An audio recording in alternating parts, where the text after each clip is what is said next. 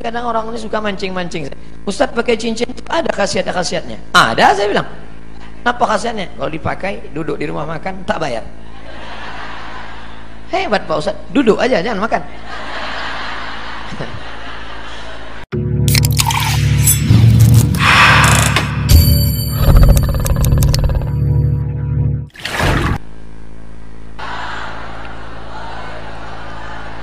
Alhamdulillah wassalatu wassalamu ala Rasulillah wa ala alihi wa sahbihi wa man tabi'ahu wa mawalah. Yang saya hormati keluarga besar PT Pertamina Pelaju Sumatera Selatan. Yang sama-sama kita hormati Bapak dan Ramil Bapak Kapolsek beserta seluruh jajaran. Yang dimuliakan Allah Subhanahu wa taala, para habaib, para ulama, tokoh masyarakat insyaallah kita semua dimuliakan Allah Subhanahu wa taala. Amin. Ya rabbal alamin. Kalau kita naik ketika nampak bintang maka kita sudah tahu oh ternyata posisi kita di selatan. Ketika kita sudah nampak bintang orang yang sudah melihat bintang itu disebut mendapat hidayah Artinya tahu dia menetapkan arah pulang mau ke mana. Kalau kita bawa kendaraan dari Pekanbaru, Riau mau pergi ke Sumatera Selatan, Palembang, mesti melihat petunjuk jalan yang sudah dibuat oleh Bapak polisi. Belok kiri ke Medan, Sumatera Utara, belok ke kanan, Palembang, Sumatera Selatan. Siapa yang ikut petunjuk yang dibuat kepolisian itu orang itu disebut mendapat hidayah.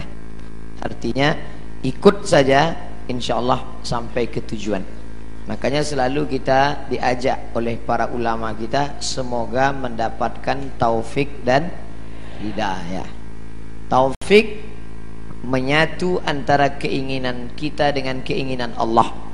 Inginnya tidur. Pagi inginnya tidur tapi Allah mengatakan bangun. As-salatu khairum minan naum. Kita lawan hawa nafsu kita, kita ikut kehendak Allah. Maka di situ kita disebut mendapatkan taufik karena menyatukan keinginan kita dengan keinginan Allah. Orang yang mendapatkan taufik maka orang itu mendapatkan hidayah. Dan semua yang mendapatkan hidayah mendapatkan taufik dari Allah. Mudah-mudahan kita senantiasa dalam taufik dan hidayah. Amin. Ya rabbal alamin. Nah, sudah jelas. Saya mau menjelaskan tentang hidayah. Lalu kemudian sifat orang yang mendapat hidayah itu apa? Siapa? Siapa saja yang mendapat hidayah? Jelas minan nabiyyin, para nabi, wasiddiqin, orang yang benar, wasyuhada, orang yang mati syahid, wassalihin, orang-orang yang soleh. Wa hasuna ulaika rafiqa. Mereka itulah sebaik-baik teman sebaik-baik sahabat. Lalu apa sifat orang yang mendapat hidayah itu? Rasanya bukan kebetulan. Orang yang menulis kaligrafi di dinding masjid ini menuliskan ayat itu pada bagian dinding yang paling depan. A'udzubillahi minasyaitonirrajim ada enam sifat orang yang mendapatkan hidayah. Yang pertama, innama ya'muru masajidallah. Mereka memakmurkan masjid. Makna memakmurkan ada tiga. Yang pertama, membangun. Yang kedua, meramaikan dengan sholat berjamaah. Yang ketiga, mengatur administrasi masjid. Alhamdulillah masjid sudah dibangun Man bana masjidan siapa yang bangun masjid Banallah mithlahu baitan fil jannah Dibangunkan untuknya satu tempat di dalam surga. Maka setiap orang muslim Mesti bertekad dalam dirinya Paling tidak ada niat Saya sebelum mati Mesti bisa bang Kalau berhasil nanti dagang Bangun masjid. Tanam sawit begitu juga. Berhasil kebun ini bangun masjid Tanam karet begitu juga. Saya tanam kebun karet ini kalau ada bangun masjid. Bisa tanahnya alhamdulillah. Sampai bangunannya alhamdulillah. Tidak bisa satu dua tiga sak semen. Tidak juga bisa satu dua kotak keramik. Tidak juga bisa satu truk pasir, batu bata, kerikil, AC, kipas angin. Paling tidak pernah berkontribusi. Tidak bisa membangun masjid. Berarti tidak ada tempat di surga Pak Ustaz. Karena Nabi mengatakan man bana masjidan. Siapa yang bangun masjid? Banallah mislahu baitan fil jannah. Dibangunkan satu tempat dalam surga. Bagaimana mau memboking tempat dalam surga? Bangun masjid. Tapi Allah Maha Adil. Tak semua orang bisa bangun masjid. Lalu yang tidak bisa bangun masjid bagaimana dia mau booking tempat di surga? Man shalla itsnatai asyrata rakaah. Siapa yang salat 12 rakaat fil yaumi wal lailah sehari semalam banallah maka dibangunkan Allah untuknya satu tempat. 12 rakaat. Dua rakaat sebelum subuh. Empat rakaat sebelum zuhur. Dua rakaat setelah zuhur. Dua rakaat setelah maghrib. Dua rakaat setelah isya. Pas 12 rakaat. Dua rakaat sebelum subuh. Empat rakaat sebelum zuhur. Dua rakaat setelah zuhur. Dua rakaat setelah maghrib. Dua rakaat setelah isya. Ada orang Islam kaya bangun masjid satu tempat dalam surga. Rajin salat sunat qabliyah ba'diyah. Ini orang beruntung dua kali. Yang lebih parah sudahlah tak bisa bangun masjid salat qabliyah ba'diyah pun tidak. Na'udzubillah. Oleh sebab itu maka Allah berikan kesempatan. Allah Maha Adil. Bangun masjid. Setelah masjid dibangun, memakmurkan masjid. Tidak hanya sekedar membangun, meramaikan dengan solat berjamaah. Rasanya saya tidak perlu mengajak kita untuk mari ramai solat berjamaah karena solat subuhnya saja sudah macam solat Jumat. Kalau solat subuh sudah seperti solat Jumat, itu menunjukkan Palestina tak lama lagi akan merdeka. Ambil gambar nih dari depan, ambil dari belakang, kirimkan ke internet, Facebook, Instagram supaya dilihat oleh tentara Israel supaya mencret mereka di sana. Pasukan-pasukan dari Pelaju, Pelembang, Sungai Grong akan datang membebaskan saudara di Palestina. Kenapa solat subuh itu yang menjadi acuan? karena melawan kantuk berat payah zuhur insyaallah makanya bangga kita melihat anak-anak muda pakai baju seragam pakai jaket pejuang subuh pas zuhur tak datang rupanya dia di masjid lain. Oh kenapa tak datang zuhur? Masjid lain Pak Ustaz. Oh ada yang masuk kampus ada yang di kantor. Tapi untuk subuh tetap di lingkungannya masing-masing. Makna memakmurkan masjid bangun masjid. Setelah masjid terbangun, ramaikan masjid. Setelah itu mengatur administrasi masjid. Ustadznya siapa, imamnya siapa, khotibnya siapa, petugas kebersihannya siapa, bagian keamanan siapa, yang menyiapkan kedatangan alim ulama siapa, siapa yang mengajar subuh di sini, rutin Habib Mahdi datang. Ada kajian tafsir, ada kajian hadis, ada kajian fikih. Nah, ini mesti diatur.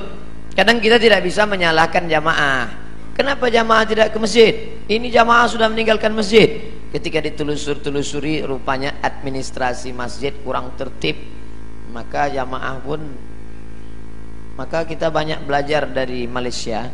Saya setiap bulan Februari 10 hari di Kuala Lumpur, Terengganu, Melaka, Negeri Sembilan, Ipoh pindah-pindah. Di situ saya lihat daftar di depan. Senin malam Selasa fikih, Selasa malam Rabu akidah, Rabu malam Kamis tafsir, Kamis malam Jumat tak ada pengajian, wirid Yasin, Jumat malam Sabtu hadis, Sabtu malam Ahad tazkirah ammah, tablik akbar. Ngaji tak lama-lama. Dari maghrib ke isya 45 menit, habis isya tanya jawab. Ditulis di mimbar ustadz nomor WhatsApp. Anda bertanya, ustadz menjawab. Jadi ngaji tak panjang-panjang. Beda dengan tempat kita tempat kita ngajinya setahun empat kali aja maulid nabi Isra Mi'raj nuzul Quran satu Muharram. Pengajian sampai jam 2 subuh kosong. Nah ini mesti diperbaiki. Bukan berarti ulama dulu salah tidak. Mungkin itu langkah pertama memang begitu kelasnya dulu. Tapi sekarang mesti ada perbaikan. Panggil. Habib Mahdi Habib Ali Karar Al-Haddad Habib Qasim para ulama kita. Ustadz Taufik Ustadz Muhammad Ali, Ustadz banyak Ustadz-Ustadz kita datangkan Ustadz Masfurah spesialisasi mereka bidang apa Ini hadis saja. Satu pertemuan satu hadis. Yang ini tafsir saja. Tafsir surat-surat pendek. Yang ini buat request. Ustadz siapa yang perlu kita undang? Nah, jadi aspirasi jamaah sehingga jamaah menjadi merasa perlu datang ke masjid. Karena banyak setelah ditanya-tanya, kenapa jamaah tidak mau datang ke masjid? Itu-itu aja pengajiannya Pak Ustadz. Khutbah Jumat sabar, pengajian subuh sabar, pengajian zuhur sabar. Melihat ustadznya udah tahu judulnya. Itu nah itu sabar. Jadi jamaah sudah meluangkan waktu tapi mereka merasa tidak mendapatkan sesuatu yang baru. Oleh sebab itu maka tiga ini mesti dijaga di masjid. Pertama, membangun masjid. Kedua, ramaikan masjid. Ketiga, administrasi masjid mesti baik. Saya yakin dan percaya Masjid Komplek Pertamina Pelaju Sumatera Selatan ini tiga-tiganya sudah berjalan. Mari kita tingkatkan insyaallah. Amin. Pembangunannya tak ragu lagi. Di mana-mana kadang masjid untuk mencari keramik lantai masjid pun payah. Masjid kita keramiknya berlebih, memanjat sampai ke dinding. Kadang di beberapa masjid kita ceramah kepanasan, tak ada kipas. Di sini lengkap, kipas ada, AC ada. Tapi panas juga. Karena memang ini sudah over capacity. Nah, jadi artinya masjid sudah bagus sudah cantik. Masalah sholat berjamaah sudah ramai. Administrasi didatangkan Ustaz. Ternyata jadwal saya kemari entah sengaja atau tidak setahun sekali. Dulu datang ke Pertamina berjumpa dengan Bapak Ibu bulan November dan sekarang juga bulan November. Nampaknya kemarin November 2019 Bapak Ibu yang dimuliakan Allah SWT ah, Ini harus terus kita manfaatkan. Tadi saya janji menurut ayat ini ada enam Sifat orang yang dapat hidayah. Pertama memakmurkan masjid Dengan pengertian tiga. Bangun, ramaikan, atur administrasinya Tertib administrasi. Dua Man amana billah akidahnya benar la ilaha illallah kenapa didulukan bangun masjid baru beriman kepada Allah karena ternyata ada orang yang bangun masjid tapi tidak beriman kepada Allah Ah, ini Ustaz Somad ngawur. Mana ada orang bangun masjid tak beriman? Ada. Masjid apa? Masjid untuk kampanye Kata pepatah Melayu, kalau tak ada berada, takkan tempua bersarang rendah. Burung tempua sarangnya di atas pokok kelapa. Tapi kalau sudah padi menguning, dia akan turun ke bawah. Dan itu terjadi di zaman sekarang. Padi menguning itu berapa lama? Lima tahun sekali. Musim-musim kampanye. Orang mulai nyumbang untuk masjid, masuk ke masjid, pakai sorban, pakai peci, pakai koko, pakai sarung, tapi tak sunat. Dan banyak orang terkecoh, disangka ustad, rupanya kawi. Masjid dibangunnya. Ustad tahu dari mana? Masuk SMA, SMS, WhatsApp, datang nanya, Ustad, apa hukumnya si fulan bangun masjid, nyumbang untuk masjid? Saya bilang jangan ambil karena pasti ada udang di balik di balik pempek. Ada niat di balik itu semua. Ada tujuan terselubung ada kepentingan. Maka jangan. Datang dia ngasih duit ambil duitnya jangan coblos orangnya. Setuju? Ambil duitnya serahkan ke fakir miskin anak yatim. Setuju? Tak sama bunyinya. Macam yang pertama tadi Makanya prinsip dalam Islam man amana billah la ilaha illallah. Saya yakin semua yang datang subuh ini tidak ada tujuan lain langkah kaki dari rumah bismillahirrahmanirrahim la haula wala quwata illa billah. Salat usolli fardhu subhi rak'ataini adaan ma'muman lillahi ta'ala puasa nawaitu shoma qadin an ada'i fardhi syahri ramadan hadis sanati lillahi ta'ala. Haji. Labbaik allahumma labbaik labbaik la syarika lak labbaik. Ketika engkau persekutukan kau duakan Allah dengan yang lain hilang amalmu. La in asyrakta kalau kau syirikkan Allah kau duakan Allah kau persekutukan Allah la yahbatanna amaluka gugur amalmu. Maka ciri orang yang mendapat hidayah. Yang kedua man amana billah jangan rusak tauhid akidah kepada Allah. Ini kadang anak-anak lajang ini gara-gara lama dapat jodoh rusak tauhidnya. Iya kana budu waduku nasta'in. Nyembahnya tetap sama Allah. Mintanya ke dukun. Kata dukun kalau kau mau cepat dapat jodoh ambil tujuh bunga. Bunga melati, bunga mawar, bunga ros, bunga kantil, bunga tai ayam. Nanti di blender nah udah di blender nah, kau minum lah setelah minum nanti bangkit aura merah. Begitu diminum merah muka rupanya radiasi. Pergilah batu rubi berwarna merah. Maka aura merah akan bangkit Wajah akan merah Biji mata merah. Ini tak betul. Kalau memang tak boleh pakai cincin Kenapa Ustaz pakai? Saya hanya sekedar suka saja Pakai batu tak apa-apa Tapi meyakini bahawa batu memberikan efek sesuatu Rusak La ilaha illallah kita Kadang orang ini suka mancing-mancing Ustaz pakai cincin ada khasiat-khasiatnya Ada saya bilang apa khasiatnya? Kalau dipakai, duduk di rumah makan, tak bayar. Hebat Pak Ustaz, duduk aja, jangan makan. Masih percaya dia dengan yang begitu-begitu. La ilaha illallah. Kita dalam Islam diajarkan berani berkata La ilaha. La ilaha. Tak ada lagi batu-batu. La ilaha. Ada lagi dukun-dukun. La ilaha. Tak ada lagi gelang-gelang. La ilaha tidak ada lagi sembahan-sembahan la ilaha illallah murni inna salati wa nusuki wa mahyaya wa mamati lillah jangan rusak lagi yang nampaknya kita tak jadi nikah. Kenapa? Persiapan pernikahan sudah siap. Ternyata menurut ramalan kita tak cocok. Aku Taurus engkau Pisces. Taurus ini kambing Pisces ini ikan. Ikan tak cocok sama kambing. Tak jadi nikah hanya gara-gara ramalan. La ilaha illallah Muhammadur Rasulullah maka jangan lagi. Kazzabal munajjimun walau sadaku bohong dusta orang yang percaya kepada ramalan zodiak bintang-bintang. Kalaupun betul kebetulan. Bila anda telinganya agak ke depan tak cocok kerja di sungai. Bila tai lalatnya di bawah dagu cocoknya di darat. Ini bohong semua. Islam tidak pernah berkata demikian. Fa idza azamta kalau kau sudah tekad fatawakkal 'ala Allah bertawakkallah kepada Allah. Jangan rusak akidah tauhidmu. Percaya kepada burung-burung. La tiarata tak boleh. Dulu orang kafir musyrik kalau dia mau bisnis dilemparnya burung di atas pohon kayu. Lempar. Kalau burung itu terbang ke arah negeri Syam berarti sial. Syukmu Syam sial. Kalau pergi ke arah Yaman, Yamin beruntung, lempar. Ke arah Yaman, ayo lanjutkan. Kalau ke arah Syam berarti sial.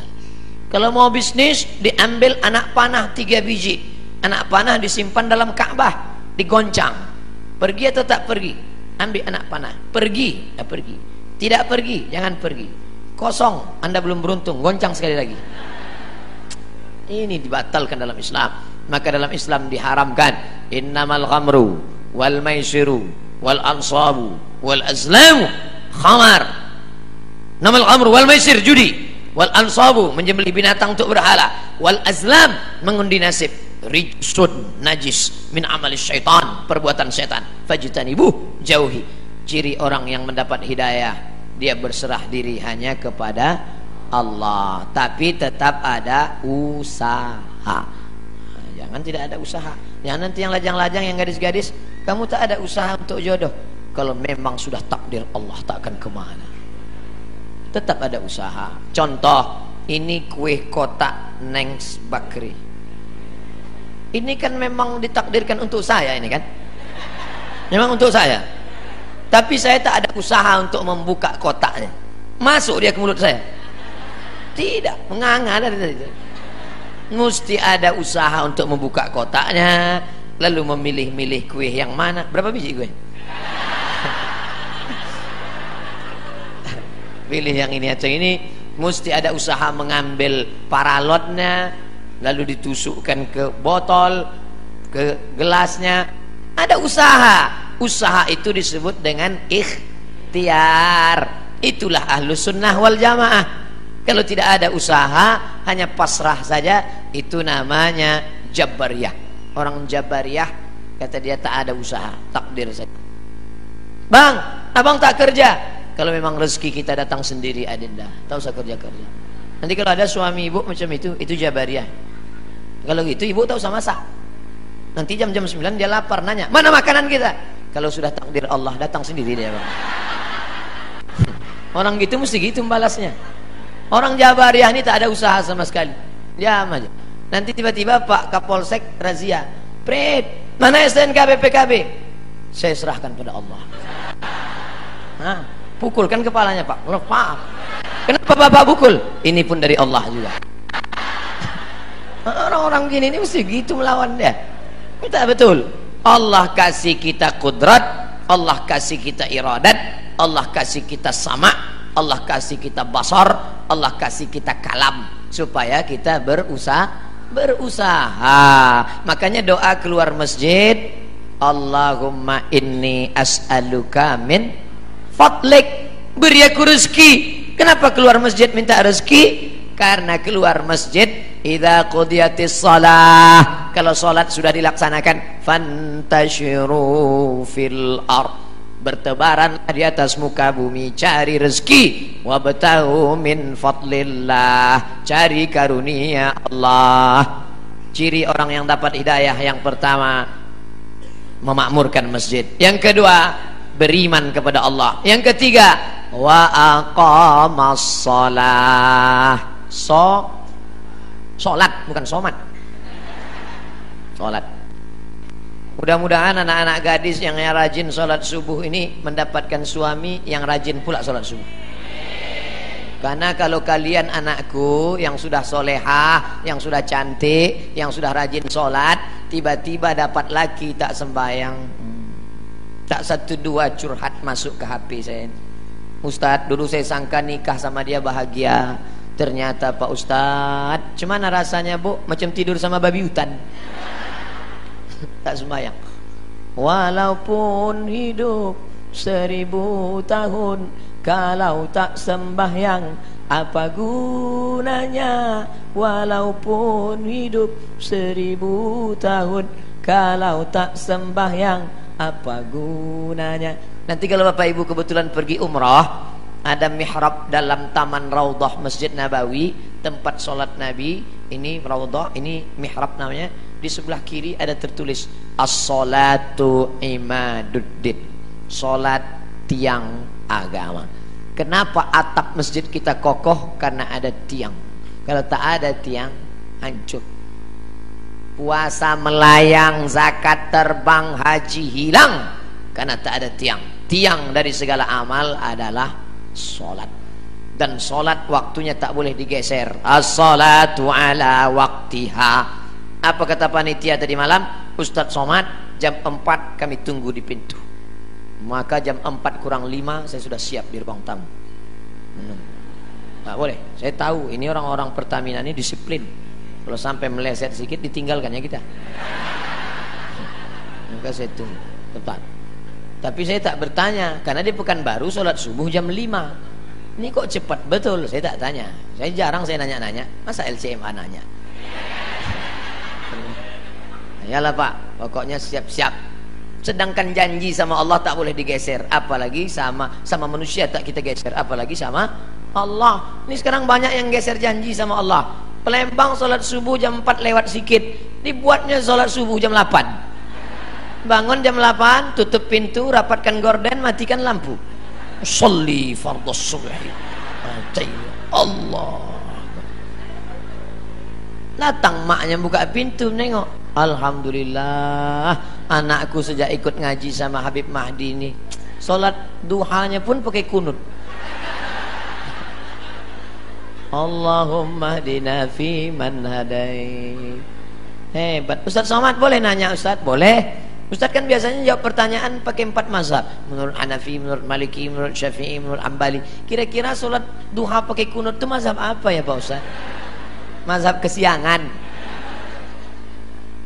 Janganlah sholat-sholat itu digeser waktunya. Sudah tepat. Inna salata kanat alal mu'minina kitabam mauquta. Sudah waktunya tepat. Jangan digeser-geser. Pokoknya datang sholat berjamaah. Allahu Akbar, Allahu Akbar. On time, datang. Sabatun yuzilluhumullah. Ada tujuh golongan yang akan mendapatkan naungan Allah. Yauma la zilla illa zilluh. Hari itu tak ada atap, hari itu tak ada terpal, hari itu tak ada tenda, hari itu tak ada naungan. Tapi dia mendapatkan naungan di padang mahsyar. Siapa dia? Rajulun qalbuhu mu'allaqun fil masajid. Anak-anak muda yang hatinya tergantung di masjid. Mudah-mudahan anak-anak muda di Pertamina inilah insyaallah. Kenapa Ustaz sebut anak muda? Kenapa tidak orang tua? Kalau orang tua ke masjid memang udah wajar. Kapan lagi? Nggak diintai-intai malaikat maut. Tapi anak muda yang mestinya subuh ini molor tidur tapi datang berjamaah. Padahal tadi malam sudah tablik akbar. Subuh tetap on time datang. Inilah anak muda yang dikatakan Allah dalam Al-Quran innahum fityatun amanu bi rabbihim wazidnahum huda mereka sekelompok anak muda yang beriman kepada Allah ditambah Allah hidayah mereka. Mereka adalah ashabul kahfi. Oh kalau gitu kami komunitas anak muda ini buat kelompok lah Pak Ustaz. Ya apa nama kelompoknya? Kelompok komunitas anak muda ashabul kahfi. Apa programnya? Tidur aja. Mereka ditidurkan Allah karena dikejar oleh raja yang zalim. Sampai akhirnya mereka tiba-tiba terbangun wal yatalattaf wala yush'iranna bikum ahada hai anak muda yang bangun tolong kau pergi ke pasar beli makanan tapi jangan gerasak gerusuk tenang-tenang supaya orang tak tahu diam-diam mereka beli makanan penjual makanan mengambil duit begitu orang ditengok rupanya duit itu sudah expired tak laku Kenapa? Salah sami'ati wasdadu tis'a. Mereka tertidur di dalam gua 309 tahun. Bayangkan ada anak muda datang ke Palembang mau beli makanan, beli tekwan. Tiba-tiba ditengok duitnya tahun 1700. Zaman Syekh Abdul Somad Al-Falembani. Mentang-mentang nama sama itu yang disebut. Bayangkan apa yang terjadi saat itu? Ini ada anak muda. Rupanya zaman itu sudah berganti seorang raja yang soleh. Raja yang soleh mengunjungi mereka ke dalam gua. Ditengok anak-anak muda terkapar, tertidur. Tak lama setelah itu mereka pun meninggal dunia. Allah hanya ingin menceritakan. Tapi ada pula di situ seekor anjing. Ini sungguh berita tidak penting. Untuk apa Allah cerita ada anjing bersama anak-anak muda itu? Ternyata Allah mau ceritakan walaupun seekor anjing kalau berkhidmah untuk orang soleh tetap juga disebutkan Allah dalam Al-Quran.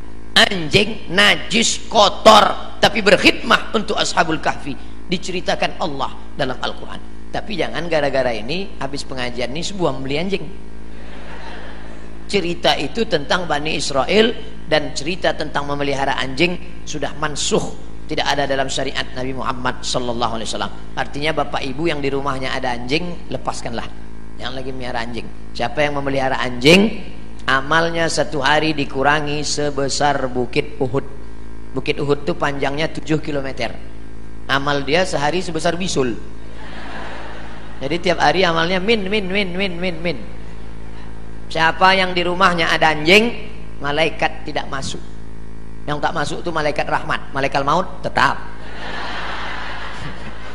Kalau malaikat maut tak masuk udah lama saya pelihara anjing herder tiga. Bapak ibu yang dimuliakan Allah? Artinya apa? Istiqomah solat berjamaah. Wahai anak-anak muda kalian buatkan komunitas anak muda pencinta masjid. Alhamdulillah sekarang sedang tren komunitas. Saya di beberapa tempat ketemu komunitas anak-anak muda. Apa komunitas kalian? Jombloan sejati tulisan logonya Seno tu bonceng mantap. Kalian apa komunitasnya? Ini Pak Ustaz saya dikasih mereka di Yogyakarta dipasangkan mereka. Pemasangan jaket kepada Ustaz Abdul Somad. Tulis di belakang. Born to ride ride to jannah. Lahir untuk mengendara menuju surga. Anak-anak geng motor. Mantap. Dipasangkan ke saya saya pun langsung ke airport. Habis subuh pasang langsung ke airport semua orang di airport nengok saya rupanya jaket itu dipasang naik motor saya naik pesawat tak cocok Artinya apa? Komunitas anak muda ini tetap dijaga dan mereka tetap sholat berjamaah di masjid. Habis waktu. Cepat betul. Saudara yang dimuliakan Allah Subhanahu wa taala.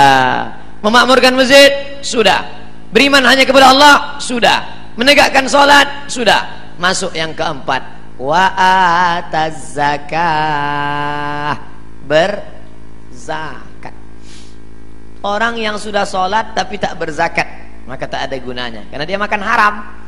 Di dalam duit kita itu ada zakat. Zakat orang dititipkan Allah kepada kita. Ada orang diuji kakinya lulus. Diuji kakinya sholat berjamaah lulus. Diuji matanya sholat tahajud lulus diuji kantongnya di situ baru kelihatan nama siapa pelit bin bakhil bin medit bin kedekut ini orang na'udzubillah. Oleh sebab itu maka keluarkanlah zakat. Bapak sudah bayar zakat? Tiap tahun saya bayar zakat Pak Ustaz. Berapa? Dua kilo setengah. Itu zakat fitrah. Zakat pendapatan dua setengah persen. 85 gram emas murni. Berapa itu sekarang Pak Ustadz? 85 gram kali 500 ribu satu gram 42 juta 500 siapa yang mempunyai pendapatan 42 juta 500 sudah kena zakat dua setengah persen. Kalau profesi kami sebagai pegawai Pertamina ini gimana Pak Ustadz 42 juta 500 setahun. Bagilah 12 bulan 12 bulannya berapa itu 42 juta 500 bagi 12 3,6 jadi yang berpendapatan 3,6 juta, 3 juta 600 itu udah kena menurut Basnas Amil Zakat Nasional yang sudah disepakati ijma antara ulama-ulama Basnas se-Indonesia 3,6. Saya tidak sebut gaji karena ada orang gajinya 2 juta, pendapatannya 20 juta. Ada uang tunjang, uang sifat, uang sundul, uang sikut, tapi duit apa? Jadi di total semua, total. Pak Ustadz saya sebulan dapat 5 juta. Mudah cara ngitungnya. Sejuta 25 ribu. 5 juta berarti 125 ribu. Saya 10 juta Pak Ustadz 250 ribu. Saya sebulan dapat saya 100 juta Pak Ustadz 2 juta setengah. Mudah-mudahan Bapak Ibu punya duit 100 juta. Dari bunyi aminnya banyak yang tak yakin apa masalah duit ini kita tak bisa ngelihat orang. Tak bisa dinilai duit dari wajah orang. Ada hitam, jelek, pesek, pendek. Tapi buka dompet 100 juta. Ada ganteng putih tengok dompet 2000 perak. Mudah-mudahan semuanya dapat 100 juta. 100 juta zakatnya berarti 2 juta setengah. Memang kalau udah cerita zakat ini banyak lupa. Tak ingat saya bos 2 juta setengah saya tak tahu. Entah siapa yang punya 100 juta entah siapa yang tidak saya tak tahu. Dan bapak petugas basma badan amil zakat Pertamina itu tidak tahu siapa yang punya duit. Tapi ada dia yang tahu la ta'khuzuhu sinatun. Dia tak mengantuk tak tidak tidur. Tak mau berzakat. Simpan simpan.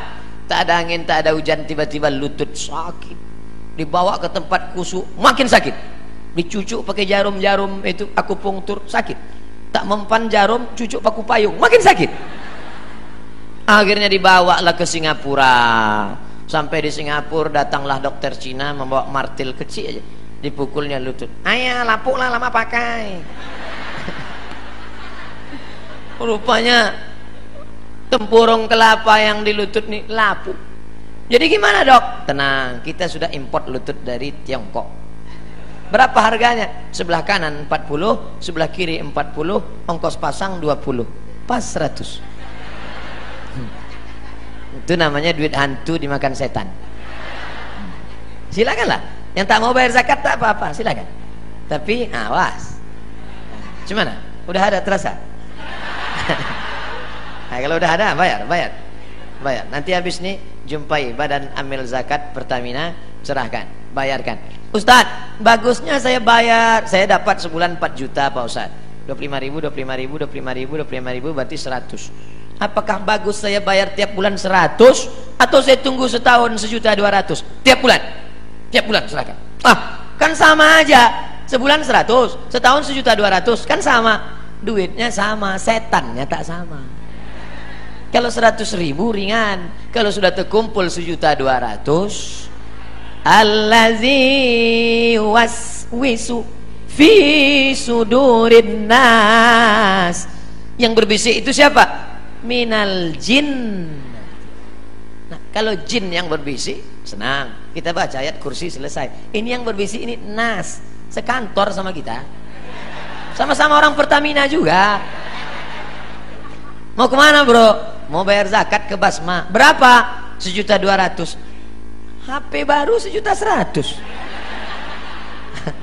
Kita bacakan ayat kursi hafal pula dia dari kita lagi. Nanti kalau ada kawan begini bacakan juga ayat kursi. Membuskan ya Allah qayyum la ta'udhu sunat oleh sebab itu bayar zakat. Yang paling tinggi zakat. Di bawah zakat infak. Di bawah infak sodakoh apa beda infak sama sodakoh Ustaz? Infak materi wa anfiqu min thayyibati ma kasabtum. Berikanlah hasil usahamu. Infak itu materi. Kalau sodakoh non materi makanya dalam hadis dikatakan tabassumika fi wajhi akhika sodakoh senyummu ke wajah saudaramu sodakoh Allah maha adil. Kalian yang bisa ngasih sedekah duit sedekah. Kalian yang bisa ngasih infak duit infak. Infak kipas angin infak AC, infak lampu. Tapi yang tak bisa ngasih infak, sodakoh. Artinya apa? Kau yang berduit kasihlah duit. Yang tak bisa ngasih duit senyum aja. Misal jumpa orang. Udahlah duit tidak, senyum tidak. Asal jumpa muka macam jeruk purut dipijak gajah. Oleh sebab itu bagi. Makanya yang paling tepat untuk kotak masjid itu adalah kotak infak. Jangan buat kotak sodakoh kotak infak biar dia ngasih duit. Kalau kotak sodakoh eh itulah senyum aja deh. Tak bisa buat kotak wakaf. Karena wakaf itu syaratnya empat. Wakaf harus ada orang yang berwakaf orang menerima wakaf benda yang diwakafkan ada ijab ada kok kobul. Tak bisa dibuat situ kotak wakaf. Karena kita tak pernah akad ke kotak. Mana pernah kita? Hai kotak aku kasih duit ini kata kota itu aku terima aku terima aku terima. Oleh sebab itu yang paling tinggi zakat.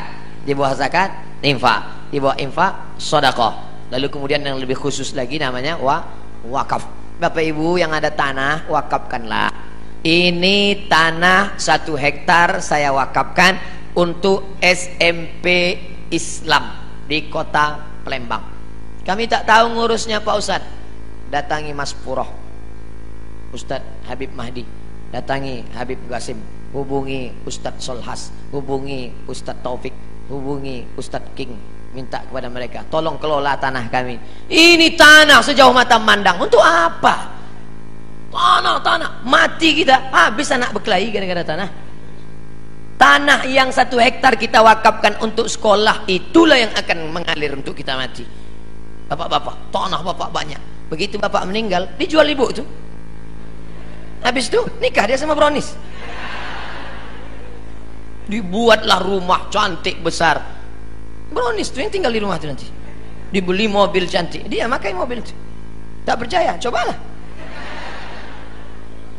Ustadz ini tak enak, giliran mati kami dibilangnya mati. Oke kalau gitu kita balik, ibu itu mati. Ibu yang banyak duit. Oh, soalnya ini beli gelang, dapat duit beli rantai, dapat duit beli cincin. Untuk apa? Bini muda dia lah. Saya bukan maksa sedekah ni, enggak. Nah, kalian laki-laki yang tak mau bersedekah, simpan aja duit itu, simpanlah. Diambil laki mereka nanti. Kalian ibu-ibu yang tak mau bersedekah, silakan. Diambil mereka untuk modal kawin lagi. Yang kalian sedekahkan, itulah yang akan mengalir menjadi amal jariyah. Siapa itu orang yang mendapat hidayah?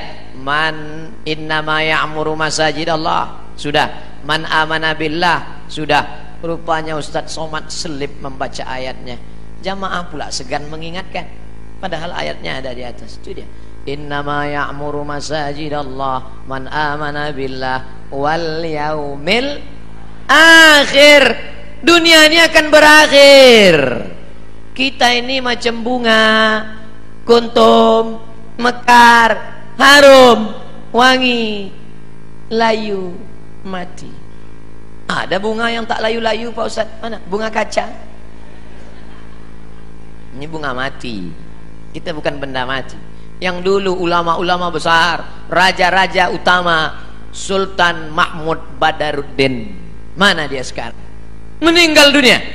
Tapi orang bangga menyebut dia. Kenapa? Karena dia pro kepada Islam. Syekh Abdul Somad Al-Flimban. Mana dia sekarang? Meninggal tapi orang bangga menyebut namanya. Sampai sekarang di Riau di Kabupaten Pelalawan bukunya masih tetap dibaca. Nama kitabnya Sayrus Salikin. Sair perjalanan. Salikin orang yang berjalan menuju Allah subhanahu wa ta'ala. Bapak Ibu pergi ke Masjid Raya Kabupaten Pelalawan Provinsi Riau masih dikaji kitab Sayrus Salikin. Dulu Ustadz Muhammad Sani namanya ketua majelis ulama yang membacakan kitab itu Kitab ulama Palembang masih dibaca di Riau sampai hari ini. Sayrus Salikin Syekh Abdul Somad Al-Falembani. Tapi dia bukan cuma pandai baca kitab. Syekh Abdul Somad Al-Falembani cuma baca kitab di masjid. Tidak. Dia dengar ada kerajaan di Malaysia namanya kerajaan Kedah berperang dengan Siam. Siam itu Thailand. Thailand berperang dengan Kedah. Ditinggalkannya Palembang. Pergi dia ke sana berjihad fi sabilillah Ternyata ulama-ulama dulu adalah ulama yang siap perang, siap membela Islam, melawan orang yang menghancurkan kedah kerajaan Melayu Islam. Terbang dia ke sana. Ulama besar dari Makassar, Syekh Yusuf Al-Makassari, Tajul Khalwati, melawan Belanda, dicampakkan Belanda ke Cape Town, Afrika Selatan. Jadi jangan bayangkan ulama dulu duduk di masjid mengajarkan tentang sabar. Kita dijajah Belanda, sabar. Jajah Jepang, sabar kita diinjak-injak orang kafir sahabat. Dikatakan radikal dikatakan keras dikatakan teroris. Ini orang tidak mengerti sejarah. Di Ponegoro Sultan Badarudin Mahmud Badarudin Sultan Sarip Kasim Sultan Nuku dari Tidore itu dulu adalah penjahat-penjahat di mata Belanda. Siapa yang memperjuangkan Islam pasti akan punya musuh-musuh. Betul? Yang tak punya musuh adalah orang munafik yang ke mana-mana merasa berteman. Jumpa Abu Lahab teman. Wa idza khalau ila syayatinihim. Kalau mereka berjumpa dengan setan-setan mereka qalu mereka berkata inna ma'akum kami dengan geng kalian setan. Kalau jumpa dengan orang beriman kami dengan kalian. Jumpa dengan setan kami dengan kalian. Bermuka dua. Muzabzabina baina la ilaha ula wa la ilaha ula. Tidak kemari tidak ke sini ini Ustaz Somad ini Ustaz keras dah. Saya suara aja yang keras hati lembut. Saudara yang dimuliakan Allah subhanahu wa ta'ala. Siapa itu orang yang dapat hidayah? Innama ya'muru masajid Allah memarmurkan masjid. Man amana billah la ilaha illallah tauhidnya bagus. Wal yaumil akhir percaya kepada dunia akan berakhir. Kita akan mati. Tinggal semua ini semua yang akan dibawa iman dan amal soleh. Wa aqamas salah rajin istiqomah salat wa ataz zakah membayar zakat yang terakhir yang keenam walam yakhsha illallah. Takutnya sudah hilang. Tak lagi ada takut dalam hatinya karena takutnya sudah habis hanya kepada Allah. Orang yang korupsi kalau ditanya tanya tanya tanya, tanya lagi. Bapak korupsi itu kenapa? Takut nanti pensiun tak punya rumah, tak punya mobil, tak punya kebun sawit, tak punya kebun karet, tak punya kos-kosan, takut anak tak bisa kuliah takut dunia membuatkan orang menghalalkan yang diharamkan Allah. Makanya ditulis di sini besar-besar walam yakhsha illallah. Itu dia. Walam yakhsha illallah. Sengaja pas di atas saya ini dibuat. Walam yakhsha illallah. Oh jadi itu tulisannya Pak Ustaz. Itulah tulisannya.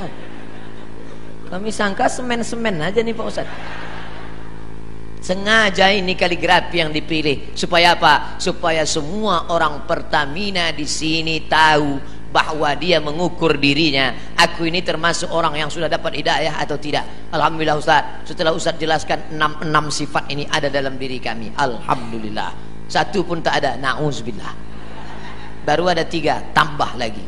Kami tak berdaya. La haula wala quwata illa billah jangan takut menghadapi hidup. Walam yakhsha illallah. Makanya ibu-ibu itu paling kuat dia. Meninggal suaminya anaknya ada tiga tak ada dia takut.